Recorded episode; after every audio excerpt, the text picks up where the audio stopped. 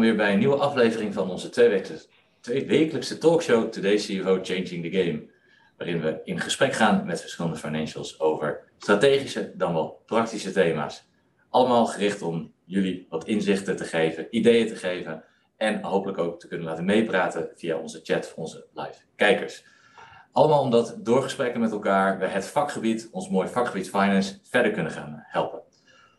Vandaag gaan we het met elkaar hebben over het thema Boardroom Dynamics samenwerken met de business. En uh, dat gaan we doen samen met uh, twee bijzondere gasten. Uh, dat zijn Roland Lippens, VP Finance bij Vodafone Ziggo. niet heel onbekend denk ik voor de meeste mensen. En Hans-Peter van Arkel, Controller bij Shell. Twee mooie Nederlandse bedrijven. en ik ga dat samen doen met Ernst Berghout, een van onze werkondernemers. Um, en we gaan met elkaar uh, hopelijk een zeer boeiend gesprek hebben de komende 45 tot 50 minuten. Uh, nogmaals, voor degenen die nu live meekijken, als je vragen hebt, stel ze gerust in de chat, dan zullen we die gaan behandelen.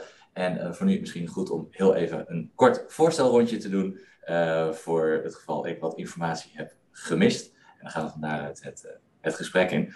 Roland, als ik met jou mag beginnen, kan je nog even kort iets over jouzelf en je achtergrond vertellen? Ja, zeker. Ik ben blij dat je ons beide als echt Nederlands bedrijven benoemt. Eh, gezien de discussie met Shell afgelopen eh, maanden eh, en, en, en, en met onze aandeelhouders. Maar, maar je hebt wel gelijk, want van onze de business, en zeker waar, waar Hans en ik verantwoordelijk voor zijn, is echt Nederlandse business. Dus dat, daar heb je helemaal gelijk in. Um, maar de publieke opinie vindt het altijd wel leuk om andere dingen te schrijven natuurlijk. Um, ja, Roeland Lippens, uh, VP Finance bij Vodafone Ziggo. Uh, waarschijnlijk wel bekend bedrijf van de vaste mobiele uh, netwerken. wonen in Den Haag, drie kinderen, getrouwd. binnen Vodafone Ziggo verantwoordelijk voor de business kant van finance. Dat is goed voor het onderwerp vandaag. Dus business control, FP&A, investor relations, treasury, revenue insurance. En um, eigenlijk mijn hele loopbaan altijd in de TMT, in de finance hoek gewerkt.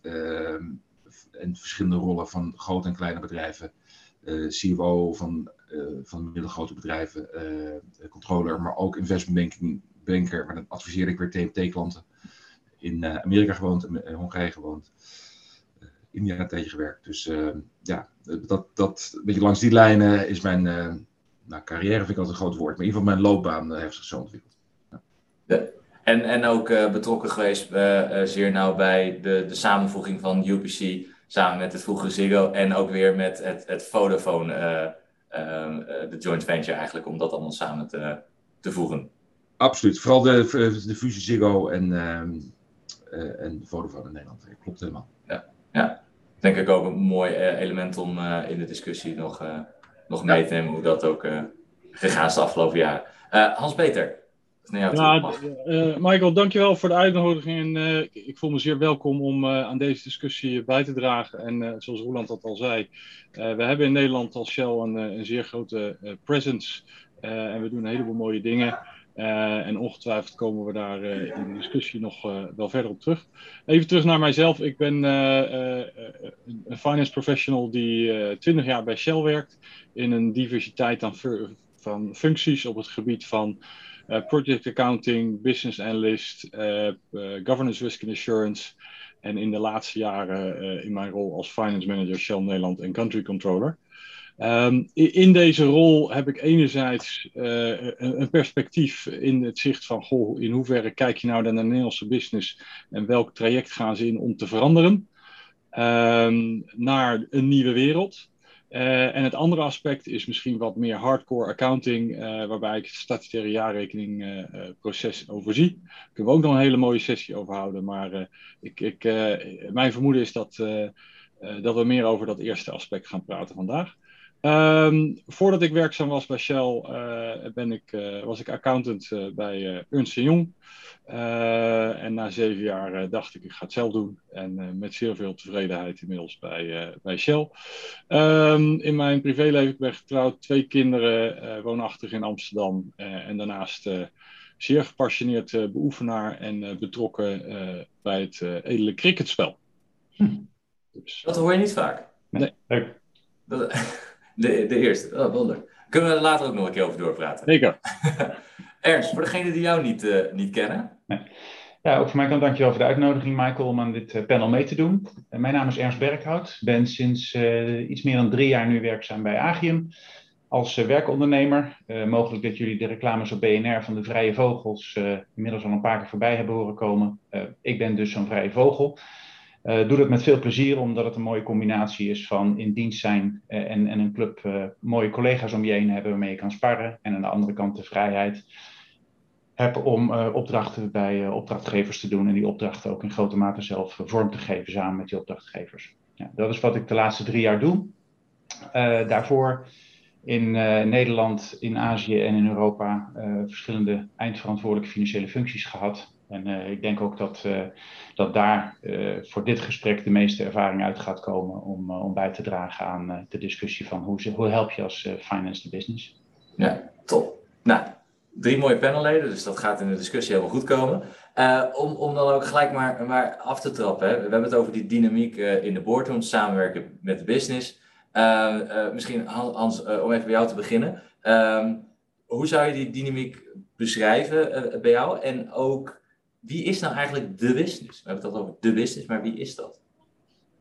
Ja, nou, nou, als je kijkt naar in mijn organisatie, de business is eigenlijk een, een, een, een velerlei aan mensen. Maar misschien eigenlijk de belangrijkste uh, collega's waar ik mee aan de slag moet, is, is gewoon de mensen die de, uh, de keuzes maken op, in onze operaties in Nederland. Dus dat kunnen zijn de, de general managers van de raffinaderij in Pernis, uh, de chemiefabriek in Moerdijk.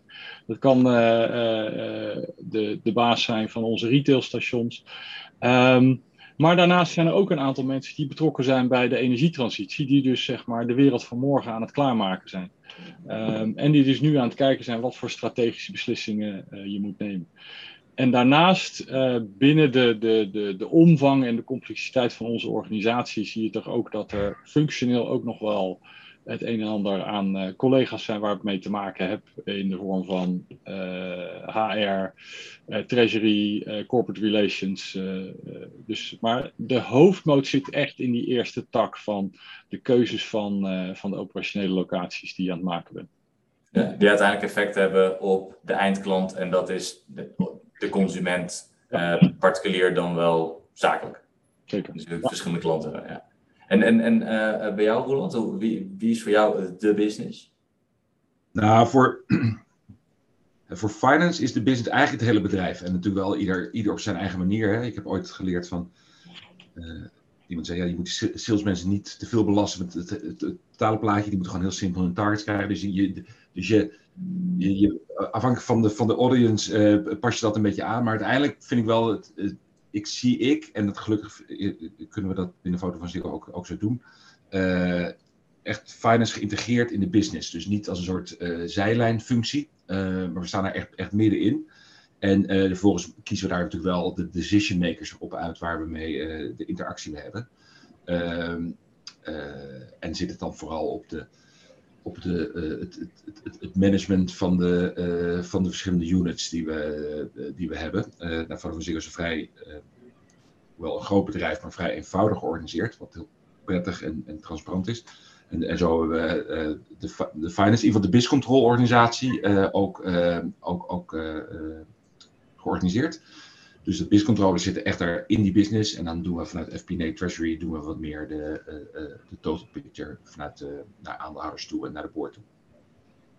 Ja, en als je bedoelt in de, in de business, uh, sta, daar staan ze dan niet hiërarchisch in, denk ik, maar functioneel. Ja, absoluut. Um,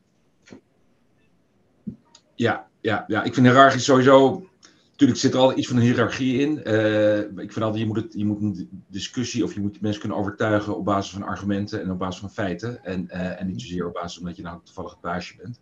Uh, dus strikt gewoon wel. Nou is het wel zo dat uiteindelijk, we zijn niet alleen maar mensen die leuk, leuk meepraten met de business en er gezellig bij zitten. We hebben ook wel degelijk een controle, controlefunctie. Ik geloof altijd een beetje stoppaardje hoor, maar Finance heeft twee, twee kanten. Aan de ene kant de scorecard keeper, zodat alles op orde is en zorgen dat we de drumbeat erin houden. Aan de andere kant de business uh, beter maken en helpen meedenken met de business en, en kijken. En alle gegevens die we hebben uit de scorecard keeping om die te gebruiken om de business beter te maken. Mhm.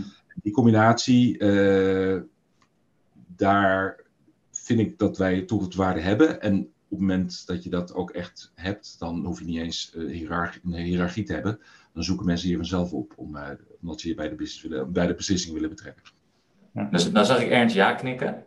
Ja, heel herkenbaar. Uh, die, die twee rollen, waarbij met name die businessrol, het meedenken met de business, dat heb ik altijd wel een uitdaging gevonden om er ook inhoudelijk een goede gesprekspartner in te zijn. En vanuit die controlefunctie, dat is eigenlijk de klassieke rol, en dan worden er allerlei ideeën over tafel uitgewisseld en dan kijkt daarna iedereen de financiële man aan van kunnen we het betalen, kunnen we het doen. Ja, dat heb ik altijd wel geprobeerd om dat te veranderen en, en, en al in de business discussie mee te gaan lopen. Maar daar vond ik het altijd wel spannend om, zeker aan het begin van een rol, dus bij de start, om zo snel mogelijk de business uh, echt te snappen, zodat ik ook kon meedenken met de mensen uit de business. En ik ben ook wel benieuwd hoe uh, Hans uh, en, en, en, en Roland, hoe, jullie die balans kiezen om goed gevoel te houden met de operaties. Nou, bij Hans beginnen. Ja, nou, kijk, als je kijkt naar die, die, die rol van, finance en, de discussies die ik voer, um, zijn we in eerste instantie eigenlijk gewoon het, wat Roland ook zegt, een beetje het geweten van de business. Um, je, je, je kent de achtergrond, je hebt toezicht to, toegang tot alle informatie. En we zijn in dat opzicht houden we gewoon de spiegel voor.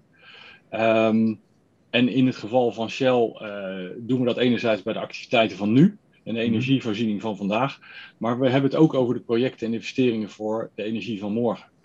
Uh, die in belangrijke mate natuurlijk een doel heeft om de CO2-uitstoot omlaag te brengen voor onszelf, voor, voor onze leveranciers, maar ook voor onze klanten. Um, in dat opzicht kijken we, uh, en daar, daar komt zeg maar een belangrijk element in van, van wat Ernst ook zegt van goh, kan je het betalen, maar het is natuurlijk ook de link naar de strategie van de onderneming. Als je kijkt naar zeg maar de vier kwadranten die wij hebben, dat is enerzijds puur gewoon de waarde voor de aandeelhouder. Uh, de tweede is, wat ik net zeg, gewoon de rol die wij spelen om de CO2-uitstoot omlaag te brengen. Maar er zit nog ook een, uh, wat wij dan noemen, Um, dat er een plek is voor iedereen, hè, voor de medewerkers, voor de omgeving. En tot slot ook het respecteren van de natuur in de vorm hoe wij omgaan met waterverbruik, afval, et cetera. Dus als je, daar is de hoeder van, voldoen wij aan de uitgangspunten die wij in, in onze strategie hebben afgesproken. Dat, dat is toch wel een belangrijke rol voor ons als finance. Om te zeggen van, hé hey jongens, let op, sta, zijn we, gaan we nog steeds op de goede weg. En, en in hoeverre um, laat je daardoor door de business uitdagen om ook echt mee te gaan vanuit hun perspectief, om, om het realiteitsgehalte daarvan ook gevoel te krijgen? Uh, praktisch voorbeeld. Ik herinner me een, een, een, een, een bedrijf waar ik gewerkt heb uh, en dat we enorm op sales zaten te drukken dat de sales omhoog moest. Nou, dat is een hele klassieke, een hele standaard vraag vanuit een meteen naar een salesorganisatie. En de salesman tot zijn frustratie zei van ik wil gewoon nu dat je een keer een dag meeloopt met een paar van onze mensen, zodat je ziet wat onze uitdagingen zijn. En ik heb letterlijk, het was in Azië, achter op een brommer een dag meegereden om te zien hoeveel moeite deze mensen moesten doen om het product aan de klanten te slijten. Is dat iets wat jullie ook herkennen vanuit jullie rollen? Dat je echt ook probeert en, en ook uh, meegewerkt hebt in de praktijk om goed te snappen hoe die uitdaging voor die andere kant van de tafel is? Ja, het is een heel terecht punt. Ik weet, ik had precies deze discussie altijd, was mijn eerste CFO-baan in Hongarije. Altijd met de, ik liep enorm op, op sales te rammen altijd als ik mm -hmm.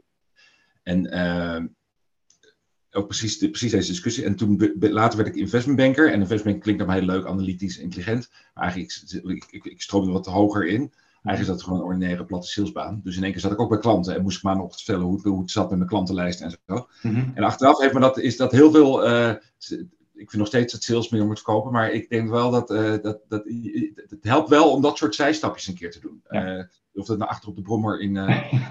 Ja, noem het gewoon eens een leuk voorbeeld. Of, of, in de, in de, in de ordinaire investmentbanking wereld. Maar in ieder geval zoiets te doen is, wel, is, is zeker wel, wel nuttig.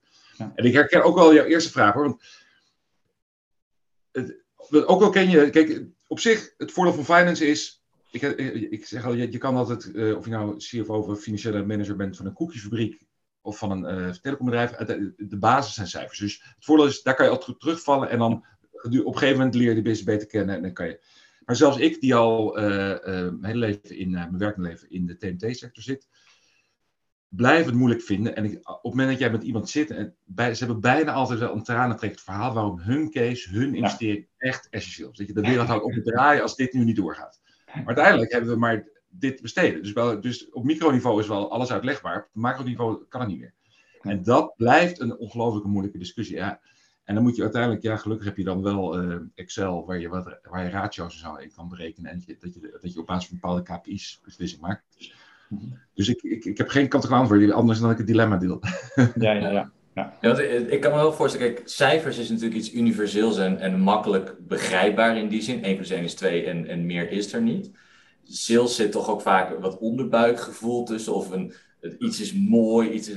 De, de, is, is het lastiger om vanuit uh, uh, een finance hoek begrip te krijgen voor waar, laten we zeggen, de business echt staat? Moet je daar dan echt ook even een paar dagen in meelopen?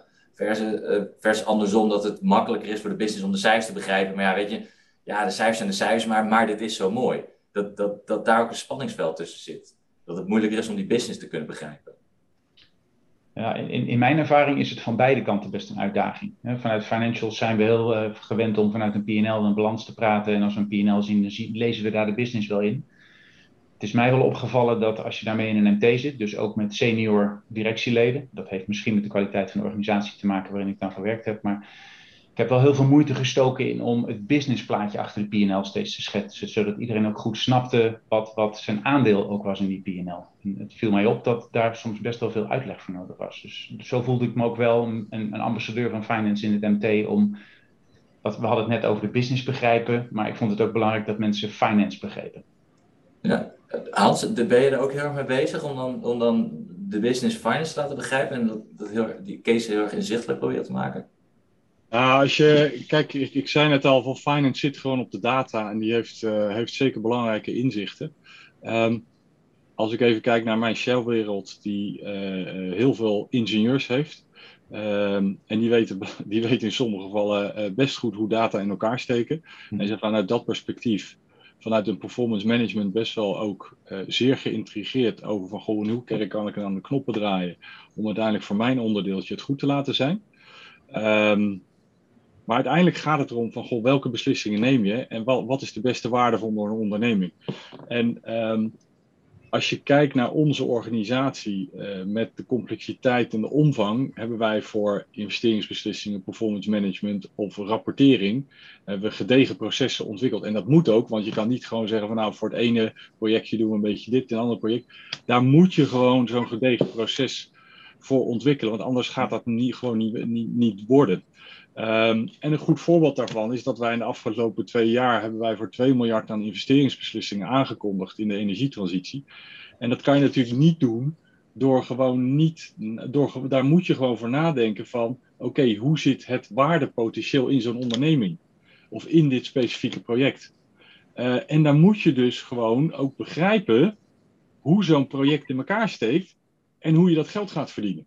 En in ons geval, wat ik, wat ik al aangeef, is van dat geld wat je vandaag verdient, is een andere manier verdienen dan het geld van morgen. Ja. Nee, precies. Je moet, je moet gewoon begrijpen. En dat is, voor mij, zoals Hans vertelt, het voor mij is, precies zoals het is. En daarmee, um, daarmee wordt ook. Je hoeft, die, je hoeft die business niet, niet in alle ins en outs te kennen. Weet je, je, moet, je, moet het, je moet het businessmodel begrijpen, je moet het verdienmodel begrijpen, je moet, je moet weten wat, wat er. Uh, misschien is het wel een valkuil om te ver, te ver in details mee te gaan. En, en mhm. mensen maken het ook graag complex, hè? laten we wel zijn. Uh, uh, en misschien is het dan onze rol wel om, om, om, om, om dat iets meer conceptueel te blijven. Dus het helpt zeker om die discussie aan te gaan. Maar misschien moet je wel. Um, je moet wel je focus where it matters. En dat is vooral het, het, het verdienmodel en hoe de markt in elkaar zit. En, en, en, en niet zozeer of je nou alle bits en bytes van het product precies uh, mm -hmm. Klopt. Ja. Hoe zit het dan qua, qua, qua uh, op het moment dat je het over uh, die, die, die, zware investeringen hebt? Um, wie bepaalt dan uiteindelijk om wel, om wel of niet iets te doen? Is dat dan een gezamenlijk iets tussen, tussen finance en, en business? Of is finance dan in de lead? Of is de business in de lead? Hoe, hoe, zit, dat, hoe zit die dynamiek dan? Wie, wie, wie hakt de knoop door? Ja, in, um, we, hebben twee aandeelhouders, hè, Liberty en Vodafone. En mijn rol heet binnen Liberty uh, uh, heet dat Chief Capital Allocation. Dus dan, zou ik degene moeten zijn die uiteindelijk besluit waar het capital in geallockeerd wordt. Uh, dus een soort say dan. Hè, maar ja, als, mochten we er niet uitkomen, maar we proberen dat wel zo goed mogelijk te doen op basis van gesprekken in de, dus, de, de afwegingen in de business en dat proberen zo effect-based mogelijk te maken. Hè, bijvoorbeeld, ik, ik, ik, ik zit de, de Capers Committee voor. Hè, wij, wij investeren ongeveer 900, 900 miljoen in, de vaste, in, de, in de vaste mobiele netwerken per jaar in Nederland. En in de spullen thuis. En dat voortdurend een afweging. Eh, hoeveel, waar stoppen we wat in hè, momenteel? Uh, we, bijvoorbeeld momenteel heb je, hebben we die uh, betere wifi-boosters die we naar klanten sturen. Nou, dat, daar gaat best wel wat geld in zitten.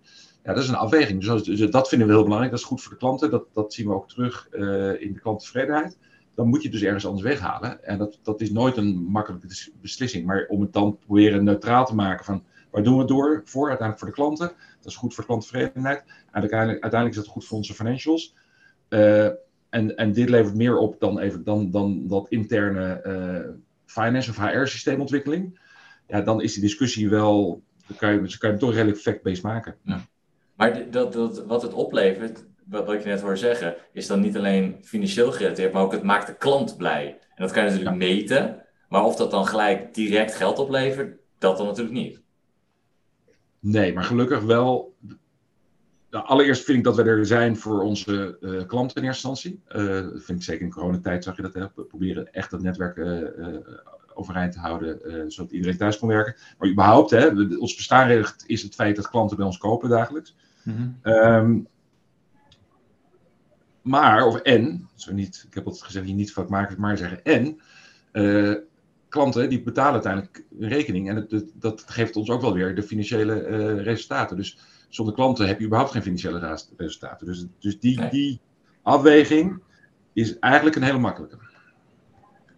Ja, misschien, misschien nog daarop aansluitend is van je kan het heel sec bekijken, Michael, in, in de vorm van dat je gewoon je processen volgt en je kijkt wat er onderaan de streep uitkomt. En dat, daar kan je hele uh, mooie economische berekeningen op loslaten. Uh, en heel eerlijk gezegd, afhankelijk van de opvang gaat het hoger de boom in bij ons. Mm um, en vanuit dat perspectief zie je gewoon dat mensen zeggen van... hey, is dit een project wat voor ons uh, geld gaat opleveren? Maar aan de andere kant, en dat is... De, en laat ik zo even terugkomen op jouw primaire vraag... is van, god, de business is leidend in deze... en die zoekt gewoon functionele support. En dat is een heel breed scala aan functioneel support, omdat in, in de projecten waar wij hebben, wij zitten, uh, of dat nou tax, treasury, eh, CMP, eh, corporate relations, HR, heel vaak hebben dat soort een hele brede functionele impact. Dus die mogen daar dan, afhankelijk van de risico's die wij zien, mogen die daar aan bijdragen aan die investeringsvoorstellen. Maar, want dat is wel een aspect, en volgens mij zegt Roeland dat ook, en dat, dat, er zitten wel elementen in die zacht zijn. En dat kan zijn in hoeverre ga je de CO2-ontwikkeling beprijzen, in hoeverre ga je de reputatie-impact meenemen. En dan zie je soms dat een project wat misschien iets minder rendabel is, dan juist wel gekozen wordt, omdat we vinden dat dat belangrijk is. Maar het belangrijkste is, je kan je geld maar één keer uitgeven. En dat is precies waarom je de juiste uh, niveaus moet hebben in je organisatie om de goede keuzes te kunnen maken. En waar wij op dit moment heel erg tegenaan lopen, is van in hoeverre werken de verschillende businesses met elkaar samen. Uh, want het kan best wel zo zijn dat bijvoorbeeld in een windpark er minder, waar, minder waarde zit, terwijl we in het vervolgtraject, bijvoorbeeld in het waterstoftraject of bijvoorbeeld in onze raffinaderij in Pernis, dat daar wel die waarde zit. En daarom moet je kijken naar die geïntegreerde waarde. En dat is wel een uitdaging in onze organisatie. Hoe krijg je dat spel bij elkaar? Komt dat door, dan door grootte, door focus, door... Nou, het, het, is niet meer zoals vroeger van je, je, je, je, je boort een put en er komt gas of olie uit en dat zet je in de markt. Het, het is nu een veel belangrijker. Je gaat niet zomaar een windpark neerzetten. Je moet nu al nadenken: wat ga je met die energie doen? En hoe ga je die naar de klant brengen? En die klant is een velerlei uh, aan mogelijkheden. Dat kan in Nederland zijn, dat kan buiten Nederland zijn, dat kan de industrie zijn, dat kunnen wij hier in deze call, onze eindconsument mhm. zijn. Nou, dat, dat spel is een spel wat we met z'n allen nu aan het ontwikkelen zijn. Uh, maar dat levert wel uitdagingen op. Maar daar, daar is het wel uh, voor finance om mee te denken. Zeggen van goh, als je het nou zo aanpakt, of als je nou daarnaar kijkt, kan je daar waarde creëren. Ja. En dan krijg je ook de vraag, hoe maak je die afweging dan? Nou ja, dat is dus, dat, dat, dat kan je keihard doen door puur wat, wat bottom line, wat levert het op? En anderzijds is van, goh, en dat is de lastige inschatting, wat gaat de markt doen? Welke markten gaan we krijgen? En de energiemarkt van vandaag is een andere dan de energiemarkt van over vijf of over tien jaar. Uh, want over tien jaar denk ik dat uh, een belangrijk deel van de industrie uh, hun CO2 heeft verlaagd. Daarnaast denk ik dat we in belangrijke mate al richting elektrisch rijden zijn. Nou, zo kan je het hele scala langs. En hoe ga je dat vormgeven? Nou, die afweging is van welke markt gaat er komen? En wat is onze rol daarin? En wat hebben we daarvoor nodig? Daar hebben we partners voor nodig, maar daar hebben we ook de overheid voor nodig om die markt te gaan creëren. En dat is, dat is echt een uitdaging. Maar zie je het dan ook als de rol van, uh, van finance, omdat de business best wel complex is en dus verschillende elementen heeft, om vanuit finance dat, dat bij elkaar te, eh, te knopen eigenlijk en dat inzichtelijk te maken? Is, is zit daar jouw rol dan in? Ja, onze commerciële mensen doen daar zeker aan mee. Ja, zeg maar de commerciële finance mensen, die, die draaien daar gewoon in mee van, goh, hoe, hoe gaan we die markt, wat gaat die markt doen? En wat is onze bijdrage daarin? Ja. ja. Shell is natuurlijk van oudsher, tenminste misschien nog wel steeds, uh, van oudsher was dat uh, de uh, scenario planning partij die wereldberoemd was met scenario planning. Ik, ja. ik, kan me voorstellen dat dat nog steeds aan de orde is binnen Shell. Ja. Wie, wie, wie, wie trekt in zo'n, wie trekt in dat onderdeel de kar? Welke discipline is dat? Is dat dan ook de business of is dat finance? Ja, dat zijn gewoon onze, onze strategiemensen die binnen de finance lijn zitten. Maar die, en dat is wel het interessante, die worden steeds belangrijker. Ja. Omdat dat die, kijk vroeger was het een wat nou, makkelijker wil ik niet zeggen, maar die, die, die verandering, en wij veranderen en wij veranderen mee met z'n allen, ja. uh, dat vergt ook op strategisch niveau, zeker als je over 10, 20, 30 jaar kijkt, vergt dat wel een bepaalde mate van goh, hoe richt je je vergezicht in. Ja. Uh, maar je moet veel breder kijken. Want wat onze concurrenten van vandaag, de grote de BP's en de ExxonMobil, ja. nou, niet de concurrenten van morgen. Nee. Nee. Ja. En, en dan wordt het heel spannend die, die, die... voor zowel jij, Roland, als Hans, om, omdat je zit voor een stuk nog in een businessmodel waarbij de revenuen gaan aflopen. Ja. En, en, en je moet met nieuwe scenario's aan de gang die mogelijk, hopelijk in de toekomst die, die, die, die inkomstenstroom weer, weer la, gaan laten groeien. Ja. En, en dat breekpunt, hè, investeren in het oude in stand houden of het nieuwe gaan opbouwen, dat lijkt me ook een hele spannende. Dat klopt, dat klopt. Ja. Ja. Ja. Ja, Roland wil volgens mij net reageren daar ook op, of... Nee, ik wil even vragen, die, dat die scenario planners, die zitten dus binnen finance, uh, zei je. Hè? Dat vind ik wel... Klopt dat? Ja, die, die zitten niet direct, die zitten wel in de finance line, maar die, dat is gewoon een afzonderlijk onderdeel. Ja, uh, wat uiteindelijk vrij dicht richting de CFO zit. Ja, ja, ja precies. Uh, interessant. Dat geeft ja, ook wel weer aan. Dat, dat het uiteindelijk toch onder finance. Ja, precies. Nee, maar het is ook mooi. Dat, dat, dat geeft ook aan dat ook binnen Shell dus finance echt gezien wordt als mensen die niet alleen maar de, de de SEC-filings uh, moet doen, maar dat die echt meedenken over de business op lange termijn. Uh, ja. Maar dat is bij jullie dus niet, als we dat begrijpen, Roland? Of? Jawel, jawel, jawel. Oh. Wij zijn ook, bij ons het, dat, we doen het dan ongetwijfeld minder geavanceerd dan wat Shell. De Shell is zelfs wereldberoemd om, volgens mij. Maar wij noemen het LRP, Long Range Plan. En daar zit natuurlijk ook de, de, de variaties in en, en, en waar het naartoe gaat. En, maar wat, wat, wat Ers net zei over vernieuwing vanuit je, vanuit je bestaande, vanuit bestaande business. Ja, dat klopt. Weet je, maar aan de andere kant, dat, is, dat zit je eigenlijk altijd in. En, en elke, elke generatie denkt altijd, ja, nu is het echt zoveel anders dan andere. Mm -hmm. Dus, dus het is wat dat betreft. Zelfs Wim Dix zei zelfs ooit, uh, toen ik uh, daar begon, als, uh, net naar de universiteit. verandering is de enige constante. Dus dacht jeetje, wat een wijze oude man is dat. En dat, nu zeg ik dat zelf. Dus, maar, maar als, als jullie nu, nu um, ook kijken naar, naar die dynamiek in, in, in de boardroom, heb je dit ook wel eens meegemaakt dat de dynamiek helemaal verstoord was binnen, uh, binnen de discussies die, die jullie hadden? Of dat er beslissingen uiteindelijk genomen werd en dat een van de twee partijen was zwaar ontevreden? Hebben jullie daar dilemma's in, in gehad? Of dat meegemaakt? Of zijn alle beslissingen altijd wel in goede harmonie genomen uiteindelijk? Nou, kijk, het voorbeeld wat ik net zei over. Want ik, misschien is dat een aardig, aardig uh, voorbeeld wat ook uh, bij veel mensen wel resoneert. Uh, omdat iedereen thuis problemen heeft met wifi of eh, meer of minder, in mindere mate. op, want we kwamen op een gegeven moment achter, hè, van, want wij, we hebben dan 1 gigabit tot de deur aan capaciteit. Nou, dat is een prachtige oplossing, maar verreweg niet wat, wat, wat, wat, ook al heb je, zoals ik, drie PlayStation de kinderen die tegelijk Netflix kijken, daar heb je echt geen 1 gigabit nodig. Dus daar zat het issue niet. En toch bleven er, er wat klachten over de, over de internetconnectie. Toen kwamen we achter, ja, het is allemaal in-home, dus het is vooral de wifi-verbinding. Nou, vervolgens de oude wifi-dingen, die hadden het goed gedaan tot dan toe, maar die waren, waren er hier niet goed genoeg voor. Dus uh, moest je de zogenaamde mesh wifi, dus een andere oplossing die, daar, die wel door dikkere muren heen gaat en betere, een hogere frequentie heeft. Maar die ding kostte geld. Maar we vonden wel dat de klanten dat nodig zouden moeten hebben. En dus moesten we in die envelop van die, die totale capex moesten we gaan op, op, daarnaar gaan zoeken.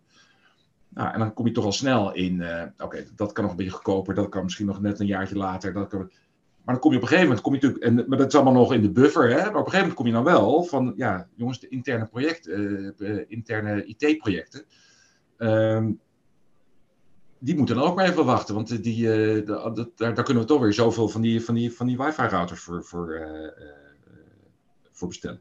En dat geeft wel wat, wel wat emotie, want dan krijg je in één keer, want iedereen is altijd heel erg van, we zijn voor het hele bedrijf en voor de klanten, maar het moet vooral bij de, van, bij de muurband vandaan komen en niet uit je eigen unit. Dan in één keer moeten mensen wel end-to-end gaan denken. En daar vind ik ook wel weer finance, los van de, wat we net allemaal zeiden, hè, los van de, de, de, harde feiten die we kunnen berekenen, alles. Maar daar challenge ik mijn controllers ook altijd op. Ja, je zit in een business MT, maar uiteindelijk zijn wij natuurlijk bij uitstek degene die end-to-end verantwoordelijk zijn. En, en, de, en, dat beeld hebben. Dus ja, dat, en dan is het wel weer prettig dat je dan de chief capital allocation bent, dat, je op een gegeven moment wel die beslissing kan forceren. Ja, maar hoe, krijg je uiteindelijk ook wel de, de, de mensen mee dat ze uh, misschien niet helemaal happy zijn met de beslissing, maar snappen dat die genomen wordt? Want dat is dan natuurlijk wel, wel een belangrijke. Ja, omdat je dan toch uiteindelijk kan linken aan, uh, aan, aan, uh, aan, aan de strategie, aan onze klantbeloften, aan, en daarmee uiteindelijk ook aan de financiële, financiële doelstellingen. Ja. Ja. Maar het begint uiteindelijk aan, aan, aan de strategie en, en, en de klant. En het financiële gedeelte komt dan als laatste. Ja, ja het is net, net zoals het echte leven, weet je, dat past in wat je ongeveer voor jezelf bedacht hebt, welk kant je op wil in, je, in het leven. Nou, dat hebben we als bedrijf ook. Dat heet strategie. Ja, ja. Hoe zit dat bij jou, uh, Hans? Ja, nou, wat, wat, wat wel een interessante uh, perspectief is, naar aanleiding van je vraag, is van goh, welke dilemma's loop je nou tegenaan? Is, uh, kijk, Shell wordt gerund en dat zal bij andere ondernemingen niet anders zijn door de business. En die, die heeft een strategie en die, dat gaat dan zo in de lijn door naar beneden. Uh, maar vanuit dat perspectief zie je dus eigenlijk gewoon een, een. Waar wij tegenaan lopen is van goh, in hoeverre maak je keuzes? Waar stop je je geld in? Waar ga je investeringen doen? En wat heeft dat bijvoorbeeld voor landenaspect voor uitdagingen? Als je kijkt naar de rol van Shell in Nederland, waar ik dan naar kijk, dan moet je soms concurreren met soortgelijke projecten in Australië of in Engeland of in Amerika. Um, en vanuit dat perspectief is dat best lastig als je hier in Nederland gewoon wil kijken, wat is onze rol in de energievoorziening? Mm-hmm. Nou, dat dilemma is natuurlijk een hele lastige, terwijl het best wel kan zijn dat je zegt van nou, god, dat project ergens anders in Duitsland levert meer geld op, dus eigenlijk willen we ons geld. Maar als je dan en dan kom ik dus terug wat ik net zei. Wind, waterstof, bestaande assets. Hoe gaat dat in elkaar? Dan heb je dat soort investeringen met elkaar nodig om uiteindelijk de business van morgen vorm te geven. Nou, dat schuurt nog wel eens. Uh, omdat uiteindelijk, bottom line, wat ik net zei, dat komt een beetje terug van hoe maak je die afweging. Uh, dat je dus een, een, een, een, financieel hardcore KPI-gedreven rate of return wil, wil halen. En aan de andere kant ook een positie op wil bouwen vanuit een strategie in een bepaald land of uh, in mijn geval dan. Nou, dat, dat, is, dat schuurt wel eens en daar moet je dus ook gewoon heel duidelijk in zijn dat je dus input levert aan de strategie die die voor een bepaalde business of een bepaalde locatie of een bepaald land ook daadwerkelijk toegevoegde waarde heeft. En kies je dan soms af en toe ervoor om uh, uh, financieel even een pijn te, nemen om ervoor te zorgen dat die transitie in dat land zich doorgaat. Ja, dat klopt. En dan, dan moet je dus misschien soms wel softere aspecten meenemen. En zeggen van ja, wij willen dit graag en dat levert misschien iets minder geld op. Ja. Nou, en dat is ook... Vooral in jouw verhaal hoor Hans, is dat je als Nederlands team dan denk ik ook voor budgetteren enorm bezig moet zijn om je verhaal goed te promoten. Zodat je als land... Ja. ja. Nou, en een van de voorbeelden daarvan, wij hebben in december, hè, even terugkomend, wij, wij wij hebben nog steeds een zeer sterke presence in Nederland. We zijn wel verhuisd naar Engeland met ons hoofdkantoor. Dus we hebben in december een commitment letter afgegeven. Uh, ook naar de overheid om te zeggen van, kijk eens, wij gaan niet weg uit Nederland. Ja. En als je naar die commitment letter kijkt, dan zitten er heel veel uh, ontwikkelingen en projecten en eigenlijk ook beloften of, of, elementen die, is, die ons in de toekomst onze rol gewoon blijvend in Nederland laten zijn. Dus dat is een heel, heel sterk, is ook heel goed ontvangen om te zeggen van jongens, wij blijven gewoon zitten. Maar dat betekent dus ook oh, ja, dat je met hogere lagen in, in Shell, met de hogere uh, echelons, dat hebt afgestemd, dat je ja. Nederland dat commitment af kan geven. Zeker, zeker, ja. ja. ja. Nee, en je wilde... Nou, ik, ik, vind het super sterk. Ik, gewoon, als, als, als, gewoon als actieve krantlezer, zeg maar. Uh, en ook het feit dat het dan ook nog, nou ja, achtergrond uh, vooral gefocust zal zijn op de, uh, aan de groene kant, hè, de, de, ontwikkeling ook vanuit Nederland. Ik vond het eigenlijk een heel positief verhaal. Dus, Dankjewel. Ja. ja. Nou, nou, ik heb via, via, Michael, ik heb via, via een app van, van Guido Stam of ik in een bezemkast zit. Ja, ik vertelde net nou, dat ik, dat ik op werk kan ik uiteindelijk die beslissingen forceren. Thuis heb ik dus helemaal niks in te brengen en krijg ik gewoon de Nee, de kinderen hebben de grote kamer met de Playstation. En uh, ja, ja, ja. Heel herkenbaar, ja. maar dan kan, dan kan ik, zijn er ook situaties waarin je als finance een stap terug moet nemen uh, in, in de discussies met, met, met de business? Dat je, dat je ja, toch misschien maar even pas op de plaats moet maken? Ja, heel moeilijk, maar wel, je hebt wel gelijk. Ja, weet je, ja. tegenwoordig heel hip, hè? Uh, agile, tight, loose, tight. Maar dat, eigenlijk geldt dat voor finance ook wel. Hè? Dus tight, dus de budgetten neerzetten, uh, richtingen neergeven, strategie zelfs, uh, lange termijn neerzetten, korte termijn doelstellingen. En dan moet de business het uiteindelijk runnen, hè? Wat, wat Hans ook zei. En maar daarna wel weer tight, dan gaan we wel weer even kijken of het, of het, of het, of het eruit gekomen is. Dus wij, zijn al, wij waren al agile avant een letteren ja, maar volgens mij is dat binnen finance al heel lang bekend onder, het, onder het, de term forecasting, dat je bijna iedere maand je plan toch weer een beetje aan het bijstellen bent. Ja, ja nee, absoluut, absoluut. En dat is ook zo. En, en daar voortdurend ook bij, bij, maar, maar, ik denk wel dat je, je moet ze, en want ik, ik, hang nu een beetje op aan de tijd moest tijd, maar het, is wel zo, je, we, we, zijn de, we zetten de doelstellingen samen met de business, maar uiteindelijk zetten wij ze om te zorgen dat het uiteindelijk ons rendement oplevert en dat we alles kunnen doen wat we zouden willen doen. Maar uiteindelijk moeten zij het wel, moeten zij het wel uh, uitvoeren. En ik denk ook dat als je er te veel op blijft zitten, dan, dan is het ook ja, de cijfers van finance. Uh, ik, ik vind ook, uh, namelijk, als wij maandelijkse uh, resultaatbespreking doen, dan vertel, ik ongeveer, vertel ik hoe het hele bedrijf ervoor stond. Maar daarna gaan we op de unit en dan moeten ook de, de unit-directeuren zelf moeten vertellen hoe het, hoe het ervoor staat. Ook hun cijfers. Ja. Want anders is het, ja, en, en finance vertelt de cijfers en ik, ik vertel alleen maar over die ontzettend mooie pipeline aan klanten die uh, er altijd niet binnenkomen. Zetten, ja. ja dus het, eigenlijk zeggen we, die, die silo's moet je ook wel zien te, zien te doorbreken. Dat het niet die doet dit, die doet dat, die doet dit, maar dat het integraal ook gewoon aangepakt uh, ja.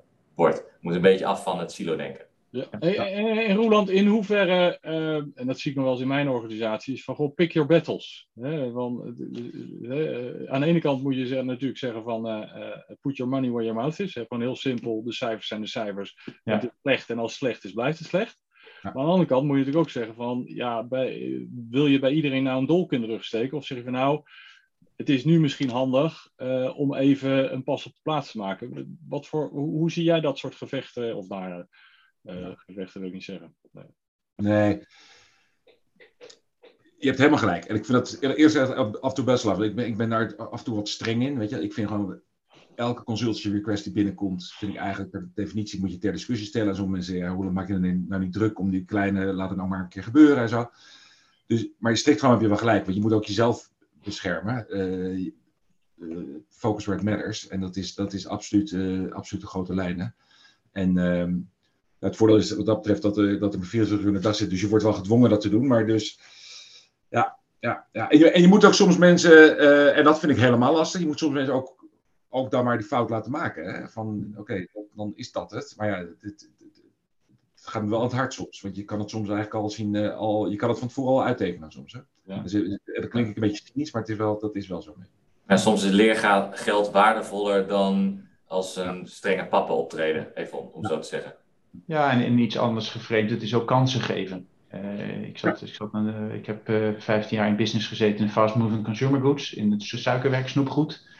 En daar was innovatiegraad een heel belangrijke. Dus de, de, de doelstelling was dat bijna 70% van het productportfolio het volgend jaar niet meer beschikbaar was en gerouleerd was naar iets anders.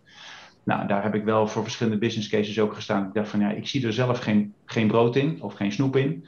Maar het verhaal is zo enthousiast en dat is dan pick your battles. Nee, dan, dan, dan laat je er ook af en toe eentje lopen dat je denkt, oké, nou, benieuwd wat er gaat gebeuren. En nou, dat was niet zonder spanning. En ja, dat ging uh, soms mis en soms ook uh, verrassend goed. Ja. Dus uh, ik voelde me daar soms ook wel, wel beloond in ook dan die ruimte geven. Dat, dat het dan ook wel een keer hele leuke onverwachte resultaten gaf. Ja, ja zeker. Zeker. Hebben jullie ook al wel eens meegemaakt in jullie actieve carrière dat je het de perfecte dynamiek had? Bestaat de perfecte dynamiek eigenlijk? ja, ik, ik, ik, ik, ik, heb, ik heb ik, de gelukkigheid gehad om, uh, om een jaar of vijf in zo'n team te werken, waarin uiteindelijk bleek dat we elkaar als MT-leden ook als personen heel goed kennen. Dus we hadden best wel ruzie. En dat ging in dat geval heel veel om uh, marketinggeld eh, waar moeilijk de vingers achter te krijgen waren. En een fabriek die tot op de, tot op de decimale die, heel strak bestuurd werd. En dan moesten we toch kiezen af en toe om reclamegeld, wat dan wat minder gemotiveerd was, de voorrang te geven. Maar ja, dat was vooral investeren in de mensen achter de MT-leden toen. En dat, dat gaf uiteindelijk wel hele respectvolle ruzies. De, mooie vraag, daar heb ik wel hele goede ervaringen mee. Ja. Respectvolle ruzies, dat vind ik een mooi Ja. De, ja. Hebben de andere heren ook respectvolle ruzies uh, gehad? Nou, als, als ik kijk een beetje naar mijn, mijn rol als, als, uh, uh, als finance professional, weet ik niet of nou de ideale dynamiek bestaat. Uh, ik heb tijdens mijn RA-opleiding nog wel eens een, artikel geschreven over met de titel De klant is koning of de rechterrug van de accountant. Nou, de, als je accountant vervangt door finance professional, is dat denk ik onze dynamiek. Mm -hmm. um, maar die samenwerking met de business is gewoon essentieel. En eigenlijk wil je naar een situatie toe dat je aan de ene kant als finance professional zeg maar, alle budget wil geven om al die mooie plannen te realiseren die tot, uh, tot in de, uh, de, hemel groeien. Ja. de hemel groeien. En aan de andere kant is het ook gewoon de basis, uh, debit is credit. als het niet gaat, gaat het niet. Nou, ja. En daar moet je dus eigenlijk naartoe, denk ik, dat je die.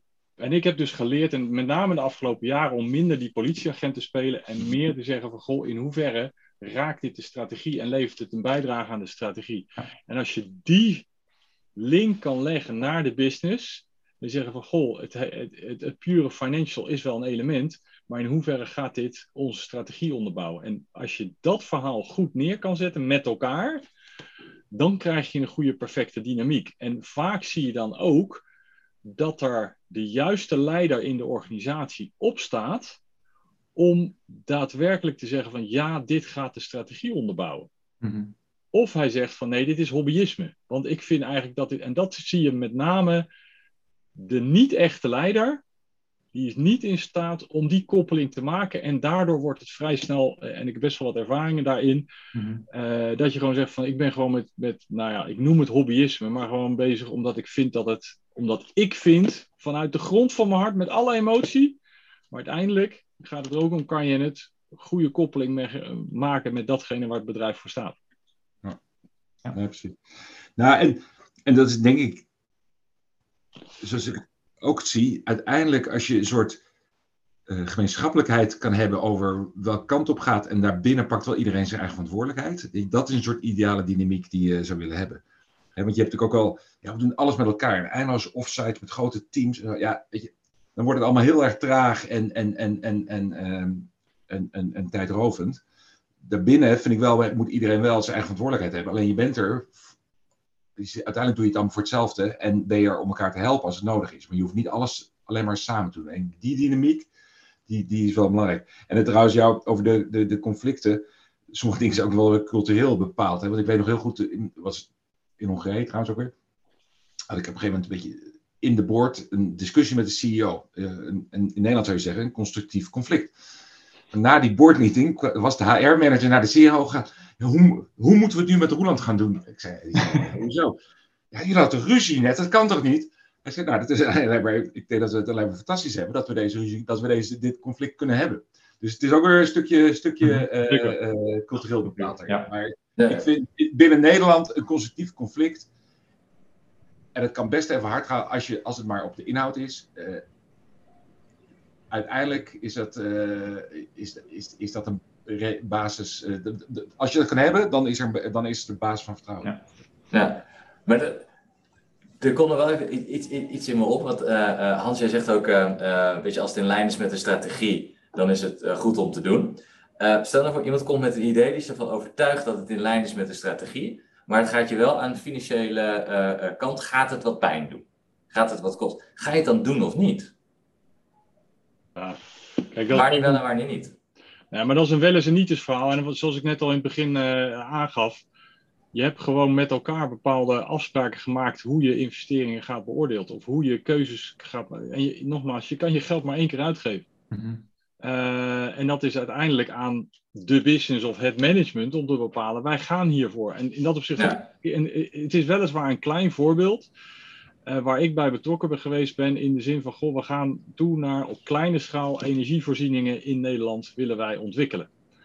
Uh, nogmaals, uit passie zit een heel goed verhaal bij, alleen de vraag is, gaat geld opleveren? Mm -hmm. Dus eigenlijk zou je dan vanuit dat perspectief zeggen, nou, we, stoppen, we trekken de stekker eruit. Maar aan de andere kant zeg je ook wel van ja, dit is, en, en Jeroen van der Veer, onze voormalige CEO, die zei, ik heb mijn potjes op het vuur staan. Want ik moet het gewoon, het is ook een beetje proberen en kijken of dit uh, iets gaat zijn. Uh, ja, en dan kan je als, ik vind niet dan de rol SEC als finance zeggen van, hey, jongens, we moeten de stekker eruit trekken. Maar je moet wel de spiegel voor houden met de keuzes die we hier maken, gaan we dus mogelijk minder rendement draaien. Ja, maar die discussie kan wel gevoerd worden. Ja. Ik kan me best voorstellen dat, dat bij beide bedrijven, natuurlijk grote bedrijven, uh, zeggen van ja, weet je, we maken tien, dan maken we tien winst, ja, weet je, dan, dan acht, dat is toch ook genoeg. Maakt dat uit? Kijk, dat mer ja, ja, en dat is, dus ik, ik, ik heb ook investor relations hè, in mijn, uh, dus ik praat ook praat met investeerders. Uh, ja, en die verwachten wel in jouw voorbeeld die 10%. En dus mm. ik zit dan wel, ik ben dan, dus dat geeft mij wel een extra drive om daar wel op door te duwen. En, uh, maar er, er zitten grenzen aan, en ik ben het wel mee eens met Hans. Op een gegeven moment heb je gewoon, je moet het ook extern kunnen uitleggen dat, dat het in dat jaar een keer 8% is geweest. Dus, uh, dus, dus, en dat helpt mij ook wel. Het, ik, ik gebruik het wel eens intern voor een discussie. Zeggen, jongens, het is allemaal wel leuk dat jullie dit zeggen. Maar extern verwachten ze dit en hebben dit ook extern gecommuniceerd. Dus ja. uh, dit moeten we wel, dit is niet zomaar even ja. een aardig, aardig om er te bij te doen. Nee, dat moet echt een, stru een structureel verhaal hebben, waarom het uiteindelijk weer, dan kom je op strategie, ja. waar het daar aan bijdraagt. En niet toevallig omdat je, het, omdat je het wel leuk vindt of omdat je het gewoon ongelooflijk ver, ja. verkloot maar, maakt maak, maak binnen dat soort organisaties als jullie, jullie rol dan ook wat makkelijker ten opzichte van bedrijven die niet een beurs uh, of uh, private equity owned of, of andere achter zich hebben. Dat, je, dat, dat het toch net even iets lastig is, want je hebt die stok niet. Zie je Hans lachen? ja. Ga je gang, Roland. Ja, antwoord aan de ene kant ja. Hè, je hebt die stok en, die, die, uh, en, en, en terecht ook. Hè, die, die mensen hebben er ook uh, heel veel geld in gestopt.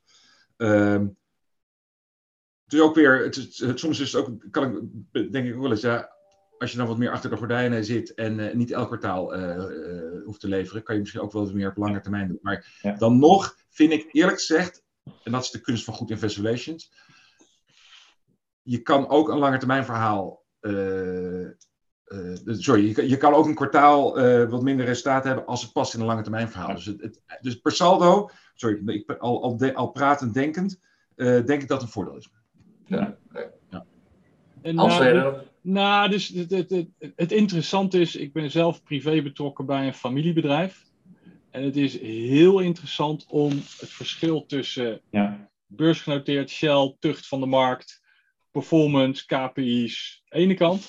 En aan de ene kant een oerdegelijk familiebedrijf, buitengewoon conservatief gefinancierd. Ja. En gewoon eigenlijk continuïteit op lange termijn. En eigenlijk het, in dit geval, jongens, doe gewoon geen rare dingen. En zorg gewoon dat ja. je over vijf of over tien of over twintig jaar gewoon een degelijk bedrijf bent. Ja. En dat, dat verschil uh, in allebei de gevallen heb je die potjes op het vuur. Ja. In allebei de gevallen ben je continu bezig met wat gaat ons morgen, overmorgen aan geld verdienen. Alleen de weg naar naartoe is misschien wat anders. Ja. Omdat je in een beursgenoteerde onderneming wordt je gedwongen om elk kwartaal Ja. gewoon te leveren. En daarom kan je in een familiebedrijf zeggen: Goh, we gaan nu even wat extra aan innovatie steken, of we gaan wat extra mensen aannemen, of we nemen dit project omdat we die fabriek gaande willen houden. Nou, ja, dat, soort, dat zijn andere discussies, maar uiteindelijk heeft het toch van: Goh, op lange termijn moet je gewoon. Ja. Maar inderdaad, de weg er naartoe is wel heel anders. Ja. Een heel mooi verhaal, Hans. En een mooie ervaring waar ik ook op aan kan sluiten. Ik heb een paar jaar inderdaad in een oorspronkelijk familiebedrijf eh, georganiseerd, eh, de organisatie gewerkt. Met heel veel ondernemerschap.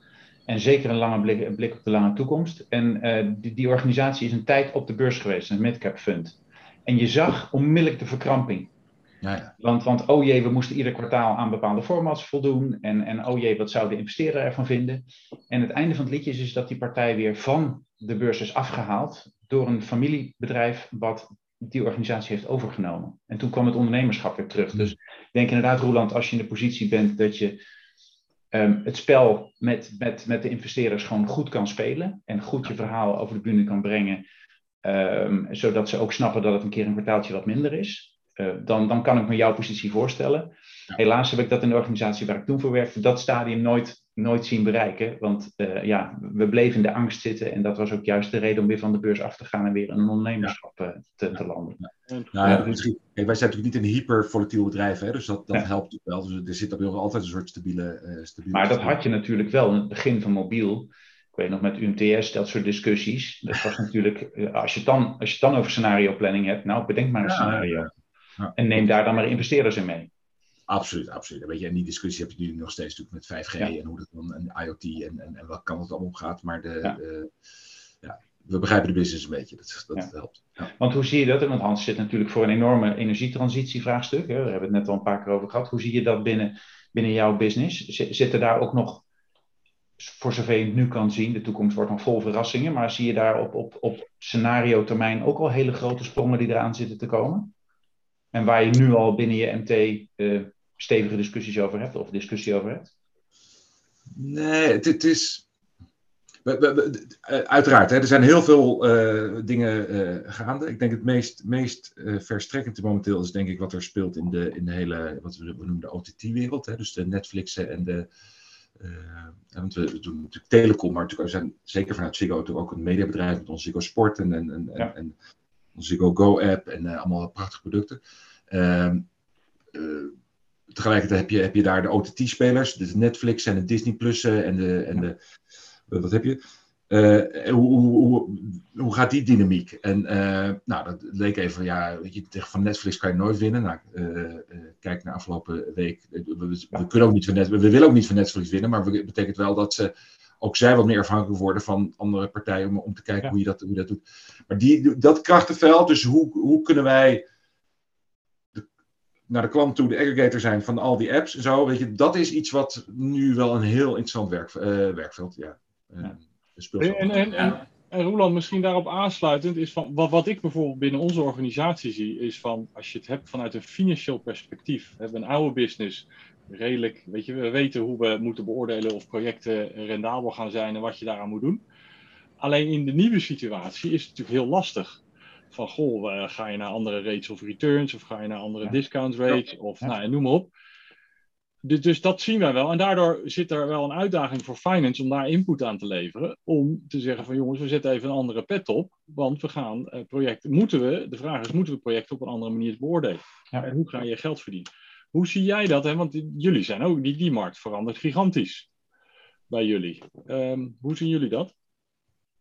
Ja, nou, de, de, ja, de marges zijn ook anders. Kijk, de marges tussen vast en mobiel zijn bijvoorbeeld al anders. En, de, en, de, en, en zeker de return on invested capital eh, eh, is daar anders. En, eh, ehm, dus dat, dat, die, moet je, die moet je zeker, als je de een langs de meetlat van de ander legt, dan ga je, dan ga je, nooit, ga je nooit erin zitten. IoT is een prachtig product. Verdienen mensen uiteindelijk niet zo heel veel aan. Weet je? Dat, dus dus de, dus dat, dat, daar, moet, daar moet je zeker, eh, dat, dat- daar zijn we zeker flexibel in. En in, de, eh, en in die mediakant is het. Ja, dat is gewoon, dat is, dat is toch raar. Je hebt gewoon in, in onze wereld heb je, het begon met Skype, die nooit een euro verdiend hebben. Uh, nou, dat gebruikt nu Zoom. Ik geloof ook niet dat die onderaan de streep heel veel geld over. Die zitten natuurlijk wel in de industrie, die gebruiken, die, gebruiken onze netwerken, maar doen het niet om er onderaan te verdienen. Die doen het eigenlijk om ergens verkocht te worden. En dus, dus die werken met hele andere rate of returns. Dus dat, dat, is wel, dat is wel een interessante dynamiek. Uh, uiteindelijk binnen uh, hou ik het wel binnen. Ik, ik, kijk niet naar hun returns, ik kijk naar onze eigen returns. Maar daarbinnen heb ik wel voor verschillende bedrijfstakken, voor, voor verschillende onderdelen, verschillende uh, rendementseisen. Wij vliegen trouwens door de, door de tijd heen, want we zijn alweer 56 ja. minuten verder. Dus ja, de tijd, ik zie, ik zie, de tijd zit er al eigenlijk weer, weer op.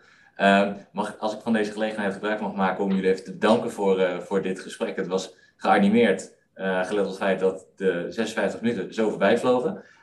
zo Roland Hans en Ernst, dank voor, um, voor het delen van, van jullie ervaringen en visies. En ook de kijkers thuis, dank voor het, het, jullie aandacht bij dit verhaal. en ik hoop dat jullie er dingen uit geput hebben. Ehm, ja, mochten jullie vragen nog aan de heren hebben, uh, uiteraard via LinkedIn kunnen ze vast nog wel even een berichtje droppen naar jullie toe als ze dat willen.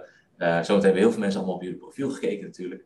Ehm, en dan ja, hoop ik jullie bij de volgende aflevering weer te mogen verwelkomen. En voor nu wens ik jullie een hele fijne dag verder. Vond je dit nou een leuk gesprek en wil je meer verhalen horen van CFO's? Volg ons dan op ons Agium kanaal.